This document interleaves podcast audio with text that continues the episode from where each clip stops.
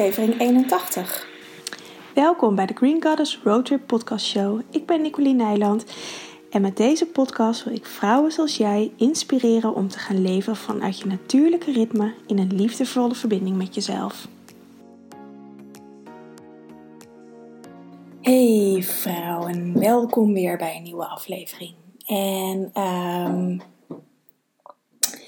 ik heb een vraag gekregen van een van de vrouwen hier uit het membership. En ehm, over, ik heb het de vorige podcast gehad over uh, etherische oliën. Uh, dat het niet goed is om dat in te nemen. En ik krijg hier ontzettend veel vragen over. Normaal gesproken al.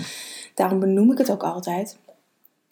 Um, maar nu nog een vraag. En ik dacht, ik ga hier een podcast opnemen. En ik bedenk nu ook deze ga ik ook op mijn algemene kanaal zetten. Dus hallo voor alle andere vrouwen die niet in membership zitten, maar in mijn Green Goddess Roadtrip podcast dit luisteren. Um, want ik vind dit echt heel belangrijk om te delen. En dit voelt ook echt als mijn taak als fytotherapeut om hier um, um, meer informatie over te geven. Want uh, het gebruik van etherische olie is de laatste jaren echt enorm toegenomen. En ik zie elke dag als ik op, op Instagram zit, komt er wel weer wat voorbij daarover. Uh, jullie kennen de bekende merken wel.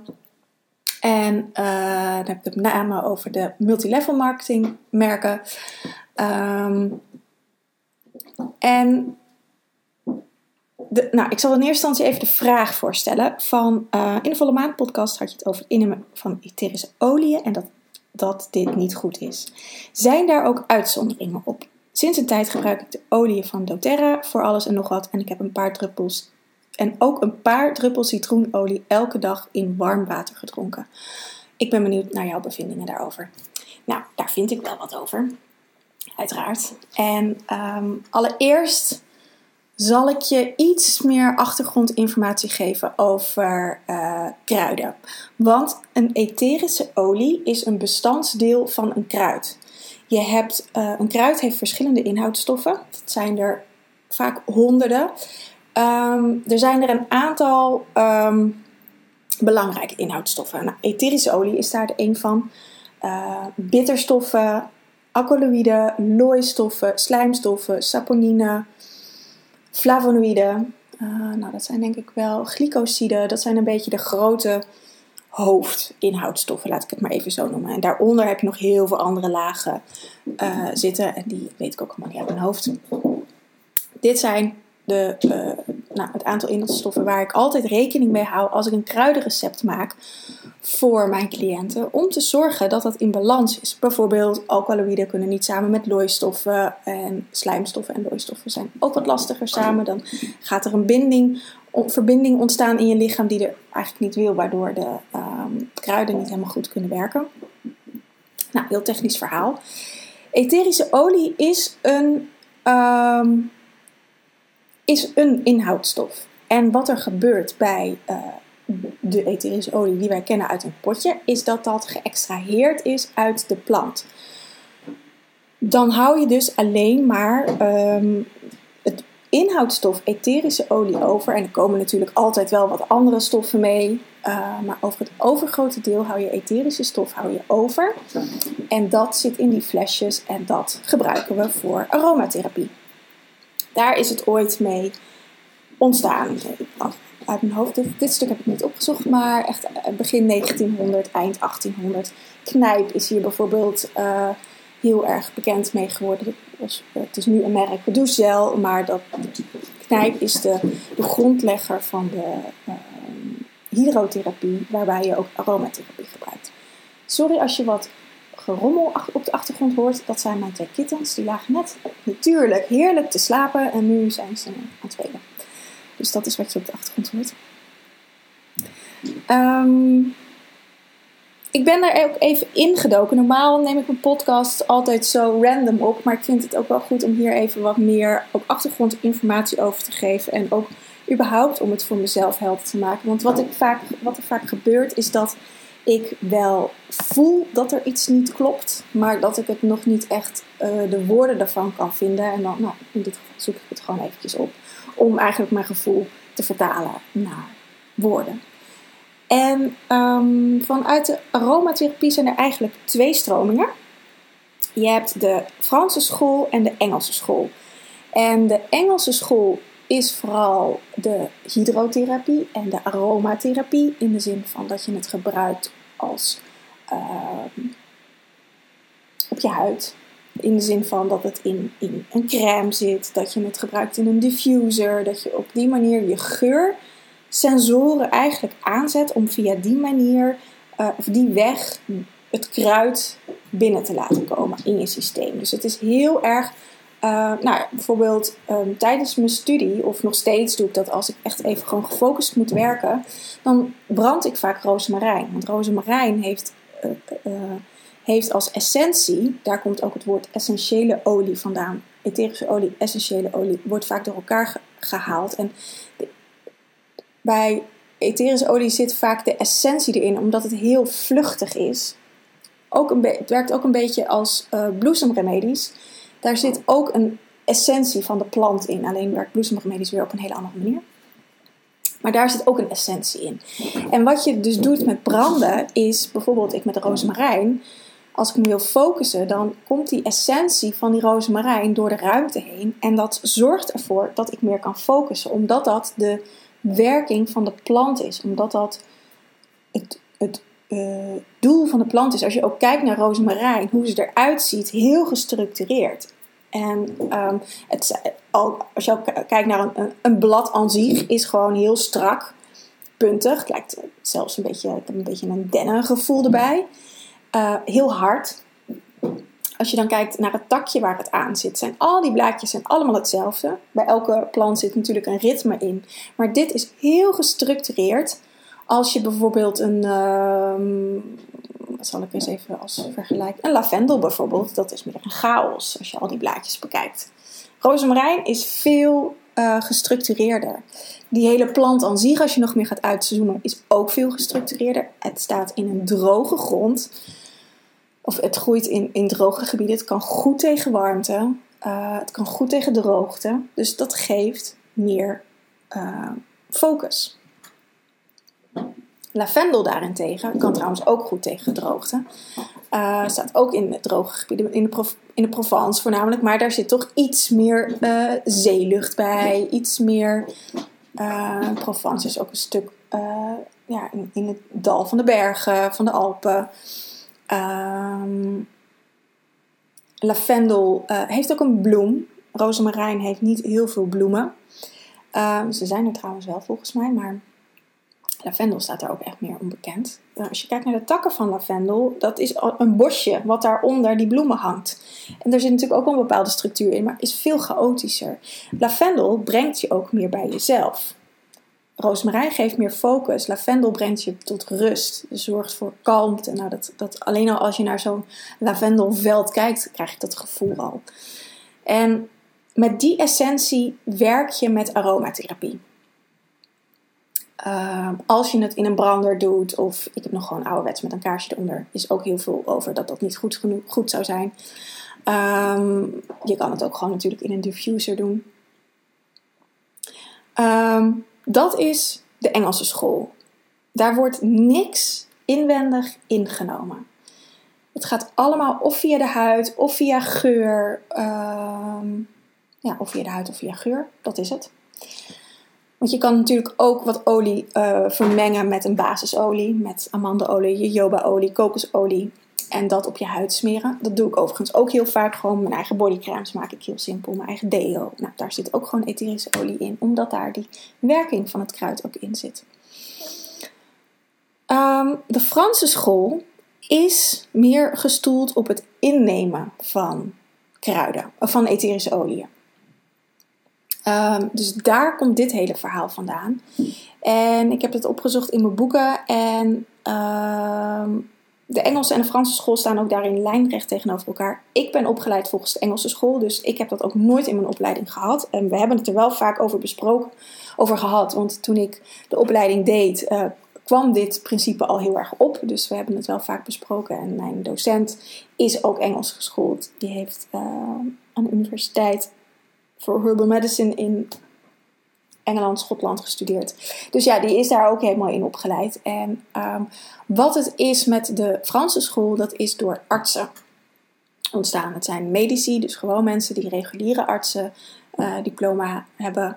Ehm, die zijn dat gaan ontwikkelen vanuit planten. Omdat medicijnen zijn in oorsprong ook vanuit planten gemaakt. Alleen uh, op een gegeven moment kwam dat hele patentverhaal. Dat is denk ik ook eind 1800, begin 1900 geweest. Uh, en dingen uit de natuur kan je geen patent opbrengen. Op groente, op fruit, op, op planten. Dat is er. Dat, dat, heeft niemand ontwikkeld, want dat heeft de aarde ontwikkeld. Dus daar kan je geen patent op aanvragen. Dus wat ze hebben gedaan is een bestandsdeel van die plant die uh, voor iets zorgt wat tegen hoofdpijn is, bijvoorbeeld uh, vanuit de wilg, werkt heel goed tegen pijnklachten. Daar hebben ze dingen uit geëxtraheerd, wat uiteindelijk paracetamol is geworden. Dus ze zijn delen uit planten gaan namaken, zo moet ik het eigenlijk zeggen, chemisch gaan namaken. En dat kan wel gepatenteerd worden. Dus de oorsprong van de hele uh, westerse geneeskunde, vanuit de, de, de reguliere westerse geneeskunde, heeft ook de oorsprong in planten. En dat gebeurt, dit stukje gebeurt eigenlijk ook met het innemen van etherische olie. Want uh, zij adviseren dat dan om te doen via capsules, rectaal of vaginaal. Niet via je mond, dat is pas later gekomen. Um, en wat daarmee gebeurt in je, in je anus, ook als je zetpillen bijvoorbeeld uh, gebruikt. Uh, daar, daar zitten zoveel sensoren. Daar zit, je slijmvlies is daar, zit daar, het is daar zo gevoelig dat dat heel snel wordt opgenomen in je lichaam. Daarom vaak, wordt het vaak rectaal uh, ingezet, ook vaginaal, want het hoeft niet meer langs je maag. Als je het via je mond inneemt, gaat het via je slokdarm naar je maag. En je maag is heel zuur qua uh, uh, substantie, zeg maar. Je darmen zijn veel basischer en je, je maag maakt alles zo dat het naar je spijsvertering afgevoerd kan worden. Dus heel veel um, voedingsstoffen gaan vaak verloren in onze maag. Dat is gewoon een natuurlijk proces. En je krijgt genoeg, in principe als je gezond eet, genoeg binnen uh, voor wat je nodig hebt. Maar wat er met etherische olie gebeurt, is dat dat grotendeels wordt afgebroken uh, in je maag. Dus vandaar dat dat vaak vroeger dan rectaal of vaginaal werd uh, ingebracht, zodat je niet door je, langs je maag hoeft. Ondertussen even een slok water. Nou, en nu natuurlijk de laatste jaren is het steeds meer een opkomst om het inwendig in te nemen, te drinken. Nou, wat nu ook in het mailtje stond, een paar druppels per dag in water. Nou is al gelijk mijn vraag, dus ik ga nou, deze vrouw straks nog eventjes terugmailen, want dat heb ik nog niet gedaan. Het is nog vroeg. Um, hoeveel water?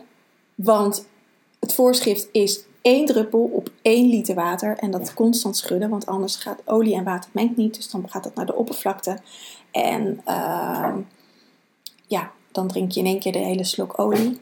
Uh, dus mijn vraag is, is al van ja, hoeveel water? Is dat gewoon een glas? Is dat een glaasje? Is dat een, een, een bodempje? Um, dus daar uh, heb ik een vraag over. Um, en ook waarom uh, neem je het in? Um, dat is sowieso altijd een vraag die ik stel. Waarom doe je het? Want uh, vaak hoor ik ook wel voor de vitamines, maar die zitten er eigenlijk niet meer in, want die zijn er allemaal uitgeëxtraheerd. Dus dat, daarvoor kun je beter gewoon een citroen uitpersen en met vruchtvlees en gewoon het sap met een beetje in water, in een glas water mengen en dat opdrinken. En dat is natuurlijk wat schadelijker voor je tanden, dus waarschijnlijk wordt daarom etherische olie ingenomen. Maar um, de concentratie van etherische olie is zo ongelooflijk hoog Um, dat je je lichaam, en dit is ook het punt waarom ik er eigenlijk finaal op tegen ben om het in te nemen. Je geeft je lichaam zo'n gigantisch grote prikkel dat het over het algemeen in de verkramping schiet. En dan sla je je hele doel mis. En um, het kan ook wel helpen omdat je zo'n grote prikkel geeft en omdat je je lichaam dan dwingt om in beweging te komen. En um, ik heb natuurlijk ook wat gegoogeld en ik vond ook wat spookverhalen over uh, mensen die het hadden voorgeschreven aan andere mensen die, waarvan uh, die echt ziek werden. Maagzweren, uh, hoge bloeddruk, darmklachten. En um, dit zijn dingen die echt kunnen gebeuren. Als je niet weet wat je doet, als je niet weet um, wat de gezondheid van iemand is, als je niet weet hoe de staat van de orgaansystemen is, en dan bedoel ik dat meer natuurgeneeskundig, in de zin van kan een orgaan het aan om dit kruid te verteren, om dit kruid te verwerken? Of is het orgaan zwakker, waardoor de prikkel veel te hoog is? En over het algemeen is dit het geval. Zeker als je al een klacht hebt waarvoor je dit inneemt. Als je uh, elke dag hoofdpijn hebt en je neemt hiervoor een, krui, een, een, etherische olie in, dan kan ik er bijna uh, vergif op innemen dat die lever zwakker is. Want anders zouden we geen hoofdpijn hebben. Of je zenuwstelsel overbelast of te zwaar overprikkeld. Um, er zijn natuurlijk meerdere redenen, maar over het algemeen zit daar de lever en de spijsvertering als grondslag onder. En als je dan een, een olie inneemt, heel hoog gedoseerd, dan geef je je lichaam een signaal dat A, het er niet mag zijn. Dus je onderdrukt iets. En B, dat ze keihard aan de slag moet in iets wat ze helemaal niet kan. Dus dan raak je uiteindelijk uh, nog meer uitgeput. Dan krijg je nog meer klachten. En misschien dat het in het begin wel even werkt. Maar daarna zal het toch weer terugkomen. En wat zorgt er dan voor? Dan heb je meer nodig. Dus dan maak je jezelf afhankelijk ervan. En als je twijfelt eh, van of dat voor jou ook geldt, want dit geldt natuurlijk niet voor iedereen, maar wel over het algemeen, stop er dan mee. En kijk wat er gebeurt. Komen je klachten weer in volle hevigheid terug, dan weet je dat je iets aan het onderdrukken bent geweest. En um, dan maak je jezelf afhankelijk van, in dit geval, een kruid. En dit gebeurt er ook, uh, daardoor de grondslag zit ook vanuit de reguliere geneeskunde, omdat dat ook voor, symptoombestrijding werkt. Daar is de reguliere geneeskunde op gebaseerd. Niet dat dat goed of fout is, het, het is hun manier van werken. Het is een manier van ziektebestrijding door te kijken naar het symptoom, daar iets voor in te nemen en te zorgen dat het onderdrukt wordt. Alleen. Uh, dat kan je ook prima met kruiden doen. Dat kun je met chemische middelen doen. Maar ja, wat ik net vertelde, die zijn ook van planten afgeleid. Je kan het ook prima met kruiden doen. Alleen sla je, wat mij betreft, dan volledig de plank mis.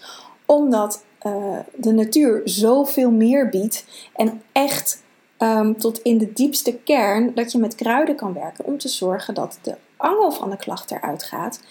En dat je die klacht nooit meer terugkrijgt.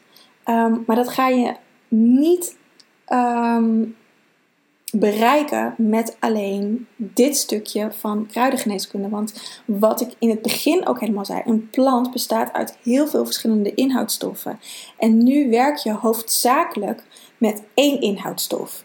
En um, ook over het algemeen met planten die heel veel etherische olie bevatten. Zoals lavendel, zoals rozemarijn, zoals tijm. Um, patchouli, uh, geranium, uh, kamille. Nou, noem maar. Nou, kamille eigenlijk, die is altijd veel duurder, want daar zit gewoon veel minder etherische olie in. Dus hebben ze meer planten nodig. Roos ook, er zit weinig etherische olie in. Dus hebben ze heel veel planten voor nodig om daar een beetje olie uit te halen. Um, dus dat. Je, je werkt heel symptomatisch eigenlijk. En um, maar heel eenzijdig. En ik heb nog even wat nagezocht. Uh, ik had munt als voorbeeld genomen, want ik had van de week ook een cliënt die heeft een prikkelbare darm en die had ook gelezen dat muntolie dan goed zou werken. Um, dus ik heb het. Um, dus ja, als jij dat graag wil gebruiken, dan, dan hou ik je natuurlijk niet tegen. Ik zou het niet adviseren. Um, maar wat er in munt allemaal zit, gewoon aan in het plant, in, de, in het plant, in de plant zelf, is etherische olie. Is natuurlijk het grootste inhoudstof van, van deze plant. Uh, maar ook flavonoïden. En flavonoïden zijn uh, stoffen die de plant een kleur geven, maar hebben ook hele belangrijke eigenschappen. Uh, bitterstoffen zijn ook ontzettend belangrijk om ehm, je spijsvertering aan de gang te zetten. Zeker dus met, met uh, een prikkelbare darm. Oh, schuift hier een kat door de, kamer. Zeker met prikkelbare darm is het heel belangrijk om kruiden in te nemen, of kruiden met bitterstoffen, om te zorgen dat je spijsvertering weer aangezet wordt. Want bitterstoffen, denk maar aan uh, bittere groentes als andijvie, um, witlof, uh, boerenkool. Uh, nou echt, die Hollandse groentes bevatten heel veel bitterstoffen. Letterlijk zijn ze ook bitter. Um, Men, uh, pepermunt bevat wat minder bitterstoffen. Die staat wat lager in het, in het rijtje. Maar um, die bitterstoffen zorgen ervoor dat je peristaltiek van je spijsvertering aangezet wordt, waardoor je voedingsstoffen beter op kan nemen. Dus als je alleen um, etherische olie hiervoor gebruikt, mis je gewoon delen van de plant die essentieel zijn voor het stuk. Want pepermuntolie wordt ook ingezet voor prikkelbare darm. Of voor darmproblemen, of voor een spastische darm, of het, het, het leaky gut. Het heeft zoveel verschillende namen. Um, maar dan mis je dus die bitterstof. En dan mis je uh, precies eigenlijk het stuk waar die plant voor werkt. En um, in dit geval bestel ik gewoon een los uh, tinctuur van dit kruid voor mijn cliënt. En dan kan ze het daarmee proberen. Uh, of proberen kan ze daarmee gebruiken. En, en, en kijken of het überhaupt ook werkt. Want dan kom ik ook nog bij een ander stuk. Dit wordt heel veel generalistisch gebruikt. Je kan pepermunt inzetten voor uh, spijsverteringsklachten. Je kan um, lavendel inzetten voor rust. Je kan. Um, uh, wat van kruiden worden. Nou, er worden natuurlijk heel veel kruiden voor verschillende dingen ingezet. En dat klopt, die kruiden werken op die manier. Maar het is niet gezegd dat het bij jou ook zo werkt. Want ik ken ook mensen die helemaal hyper worden van lavendel. Want als je lavendel geeft je ook, laat je ook echt naar je eigen ziel toe gaan, naar je, naar je eigen kern. En als je daar blokkades op hebt zitten, dan vindt jouw lichaam dan niet leuk. En wat je lichaam dan gaat doen, is eruit bewegen. En dan bereik je eigenlijk het tegenovergestelde. Zeker met etherische olie die je inneemt, die ontzettend hoge concentratie hebben. Dus je, je, je, uh, duwt jezelf eigenlijk met een gigantische kracht naar een plek waar je niet naartoe wil. Dus je krijgt een, een gigantische tegenreactie van je lichaam. Dus uh, daardoor kan het dus ook zijn dat mensen klachten krijgen omdat je lichaam daarop gaat reageren. Of, uh, op gaat re reageren. Um, betekent niet, weet je, deze, het is niet een, een, een uh, hele vingerwijzing dat je dit nooit mag doen, deze podcast. Maar ik wil um, jullie er gewoon wat meer informatie over geven. En er wordt niet altijd eerlijke informatie op internet gegeven. Zeker niet door de multilevel marketing bedrijven. Um, ik heb ook bij hun op de site gekeken. Daar staan ook echt onwaarheden op. En um, alles is wetenschappelijk getest. Maar als ik iets verder ga kijken, voegen ze zichzelf hun eigen wetenschappelijke methodes uit. Die niet gecertificeerd zijn door wat voor een organisatie dan ook. Ze doen het zelf. En dat voelt voor mij een beetje van. Er was ooit zo'n reclame, volgens mij van Hak. Van wij van Hak bevelen Hak aan. Of nee, dat is volgens mij een ander merk. Maar nou, je weet vast wel wat ik bedoel. Um, dat is natuurlijk een beetje een self-fulfilling prophecy. En um, is op zich niks mis mee. Maar het voelt niet volledig zuiver voor mij. En vooral omdat ook dat ze zeggen dat ze de meest pure olie hebben. En um, ik heb ook wel eens gehoord dat biologisch is. Nou, op de site kan ik het niet terugvinden. En als het biologisch is en in een EU wordt verkocht, nou ligt het natuurlijk niet in de winkels, dus dat is wel een, een verschil. Maar het moet een keurmerk hebben. Dus uh, ik gebruik altijd olie van Chi of van La Drome. Overigens niet gesponsord. Helemaal, ik word door niemand gesponsord. Ik ben afhankelijk, onafhankelijk. En um, die hebben ook niet. Ja, heeft volgens mij alles biologisch, Chi niet. Maar wat biologisch is, staat daar een, eco-keurmerk op. En het keurmerk met het groene uh, blaadje, met die sterretjes. En ik hoor ook wel vaak vragen van ja, maar dat, dat is, uh, klopt dat wel? En kan je er wel van uitgaan? Ja, daar kan je van uitgaan. Kijk, er is natuurlijk altijd een vraag van hoe zit dat verder in die keten? Dat weet niemand.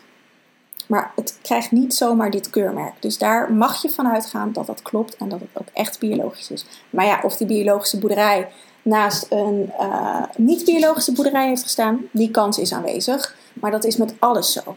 En uh, dan kun je in principe helemaal, misschien beter helemaal niks meer biologisch kopen als je zo denkt. Maar dan is het van uh, doTERRA en Young Living geldt hetzelfde voor. Dus wees ook, kijk ook wat verder dan wat je verteld wordt. En als laatste wil ik eraan toevoegen, als je dit doet, ga niet zomaar iets adviseren aan mensen. Ga niet zomaar iets doen voor jezelf voor aan jezelf adviseren is het meest slechte wat er is. Ik kan mezelf ook niet uh, adviseren, want ik heb ook blinde vlekken. Ik zie ook niet alles van mezelf. Ik wil misschien ook ergens niet een bepaalde kant op bewegen. Dus als ik hulp nodig heb, ga ik naar een ander toe.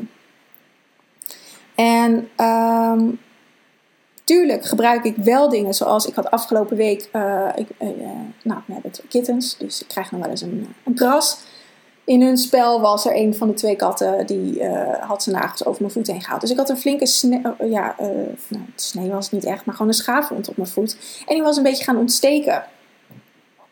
Um, dan gebruik ik het wel sim kruiden symptomatisch. Ik doe dan tincturen. Dus ik heb een aantal dagen, twee, drie dagen, nee, twee dagen, een hoge dosering calendula ingenomen. Dus normaal is, is het zo'n in een combinatie uh, tinctuur, zo'n maximaal 13 druppels. Nu ben ik, en dan drie keer per dag, nu ben ik gewoon vijf keer per dag 20 druppels in gaan nemen. Om te zorgen dat mijn lichaam die ontsteking daaruit kon werken. Dus daarin is symptomatisch behandelen prima. Maar daarnaast gebruik ik ook gewoon een middel om mijn constitutie te versterken en, op, en sterk te houden. Dus um, ik ben ook aan de andere kant bezig en daarom gaat het er ook zo snel uit.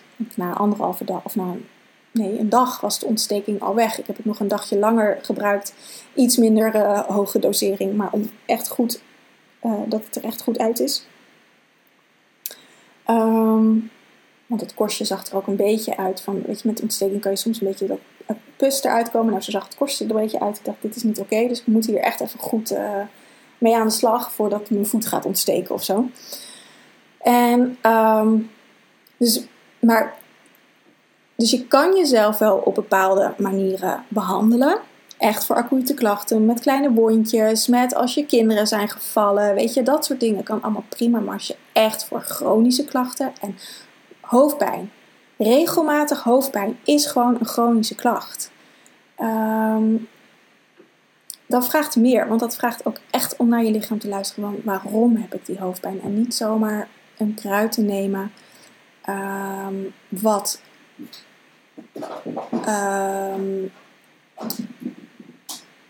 wat, het, wat het onderdrukt eigenlijk. Um, maar goed, dit is mijn, natuurlijk mijn hele visie vanuit mijn professie. Dus dat is anders als je daar voor jezelf mee aan de gang bent. Maar ik hoop je hier wel mee wat een andere blik te geven. En um, ook gewoon daarin goed te kijken naar wat je voor jezelf doet. En, en, en niet zomaar uh, olie ingenemen. Als je citroen wil innemen, doe dat dan gewoon een geperste citroen in een glas water elke ochtend. En uh, voor je tanden kan je dan beter een rietje gebruiken. Dus gebruik een metalen rietje. Uh, of een bamboerietje uh, in het kader van de duurzaamheid, zodat het niet je tanden beschadigt. Um, en ik zit me af te vragen, als je die olie neemt, zou het, en alles zou erin zitten, zou je ook je tanden met die olie moeten beschadigen. En dat, ja, nou ja, goed, dat is mijn eigen hersenspinsel. Um, ik ga hem lekker afsluiten. Ik zie dat ik al bijna een half uur aan het kletsen ben. Heb je nog vragen? Je mag het me altijd laten weten. En heb je nog een vraag waar ik een podcast aan kan wijden, dan hoor ik dat ook heel graag. Um, over een bepaald onderwerp, dan mag het over een kruid, over iets waar je zelf tegenaan loopt, dan mag dat altijd. Dat hoor ik ook heel graag, want dan heb ik zelf ook wat meer input weer. Uh, dan alleen maar mijn eigen gebrabbel en mijn eigen hersenspinsels. En uh, ik wens je een hele, hele fijne dag. Aho!